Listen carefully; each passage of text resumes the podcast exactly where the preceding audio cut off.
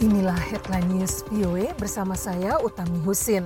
Berbagai media Jepang menyatakan Kepala Sekretaris Kabinet Jepang Yoshihide Suga akan berusaha menggantikan Shinzo Abe sebagai Perdana Menteri mendatang negara itu. Suga diperkirakan akan mengumumkan pekan ini bahwa ia akan berupaya menjadi Ketua Partai Demokrat Liberal LDP. Para kandidat lain yang mengincar jabatan tersebut antara lain mantan Menteri Pertahanan Shigeru Ishiba dan mantan Menteri Luar Negeri Fumio Kishida. Berdasarkan sistem parlementer Jepang, partai berkuasa memilih orang yang akan menjadi Perdana Menteri, biasanya ketua partai itu. Suatu jajak pendapat umum yang dilakukan Kyodo News menunjukkan 34 persen persen responden menginginkan Ishiba menjadi Perdana Menteri mendatang. Disusul Suga di tempat kedua dengan selisih dukungan yang jauh 14 persen. Ishiba gagal menantang Abe sebagai Ketua LDP dalam pemilihan terakhir di partai pada tahun 2018. Pemilihan Ketua Partai diperkirakan akan diadakan pada 14 September mendatang. Polisi Israel hari Minggu memeragakan sistem laser baru yang dimaksudkan untuk mencegat balon bermuatan bahan peledak yang diluncurkan dari jalur Gaza. Sistem baru itu memiliki tingkat akurasi 90 persen, kata juru bicara polisi Israel, Miki Rosenfeld.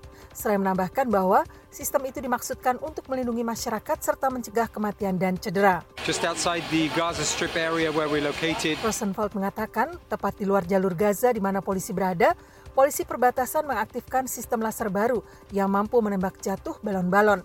Ia menjelaskan, balon-balon yang bermuatan bahan peledak itu terbang dengan dorongan angin dari jalur Gaza ke dalam Israel. Militer Israel sebelumnya pada hari Minggu mengatakan bahwa sistem itu menghantam target-target militan di Gaza sebagai tanggapan atas balon peledak yang terus-menerus melintasi perbatasan dari wilayah yang dikuasai Hamas. Tidak ada laporan mengenai korban di kedua belah pihak.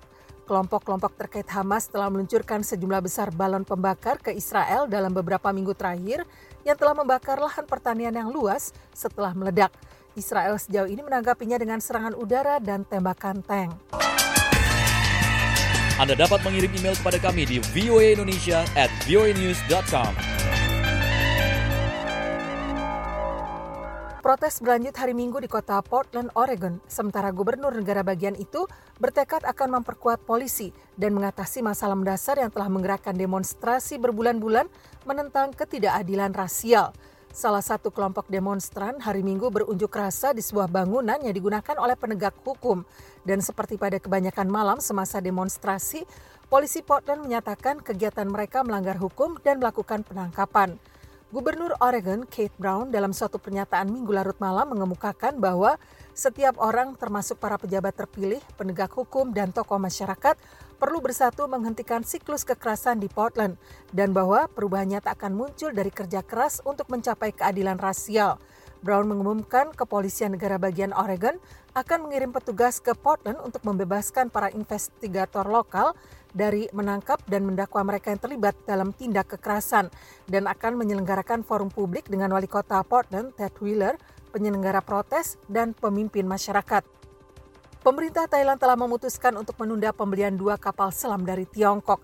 Keputusan itu diambil pemerintah dengan membatalkan permohonan ke parlemen untuk menyertakan dana bagi uang muka transaksi itu dalam anggaran tahun fiskal 2021.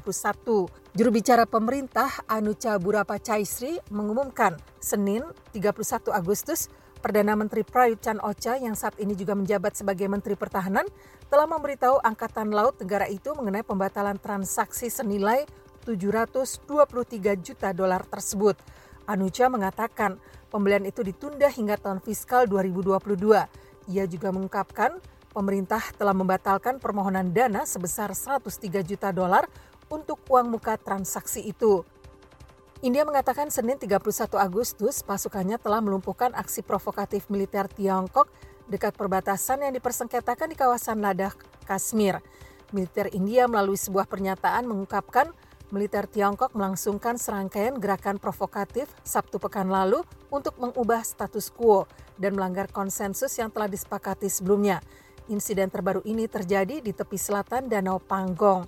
Masih menurut militer India, pihaknya telah mengambil langkah-langkah untuk memperkokoh posisi mereka dan menggagalkan maksud sepihak Tiongkok untuk mengubah fakta di lapangan. Tiongkok tidak mengeluarkan pernyataan apa pun terkait insiden pekan lalu tersebut. Pendengar, demikian Headline News VOA.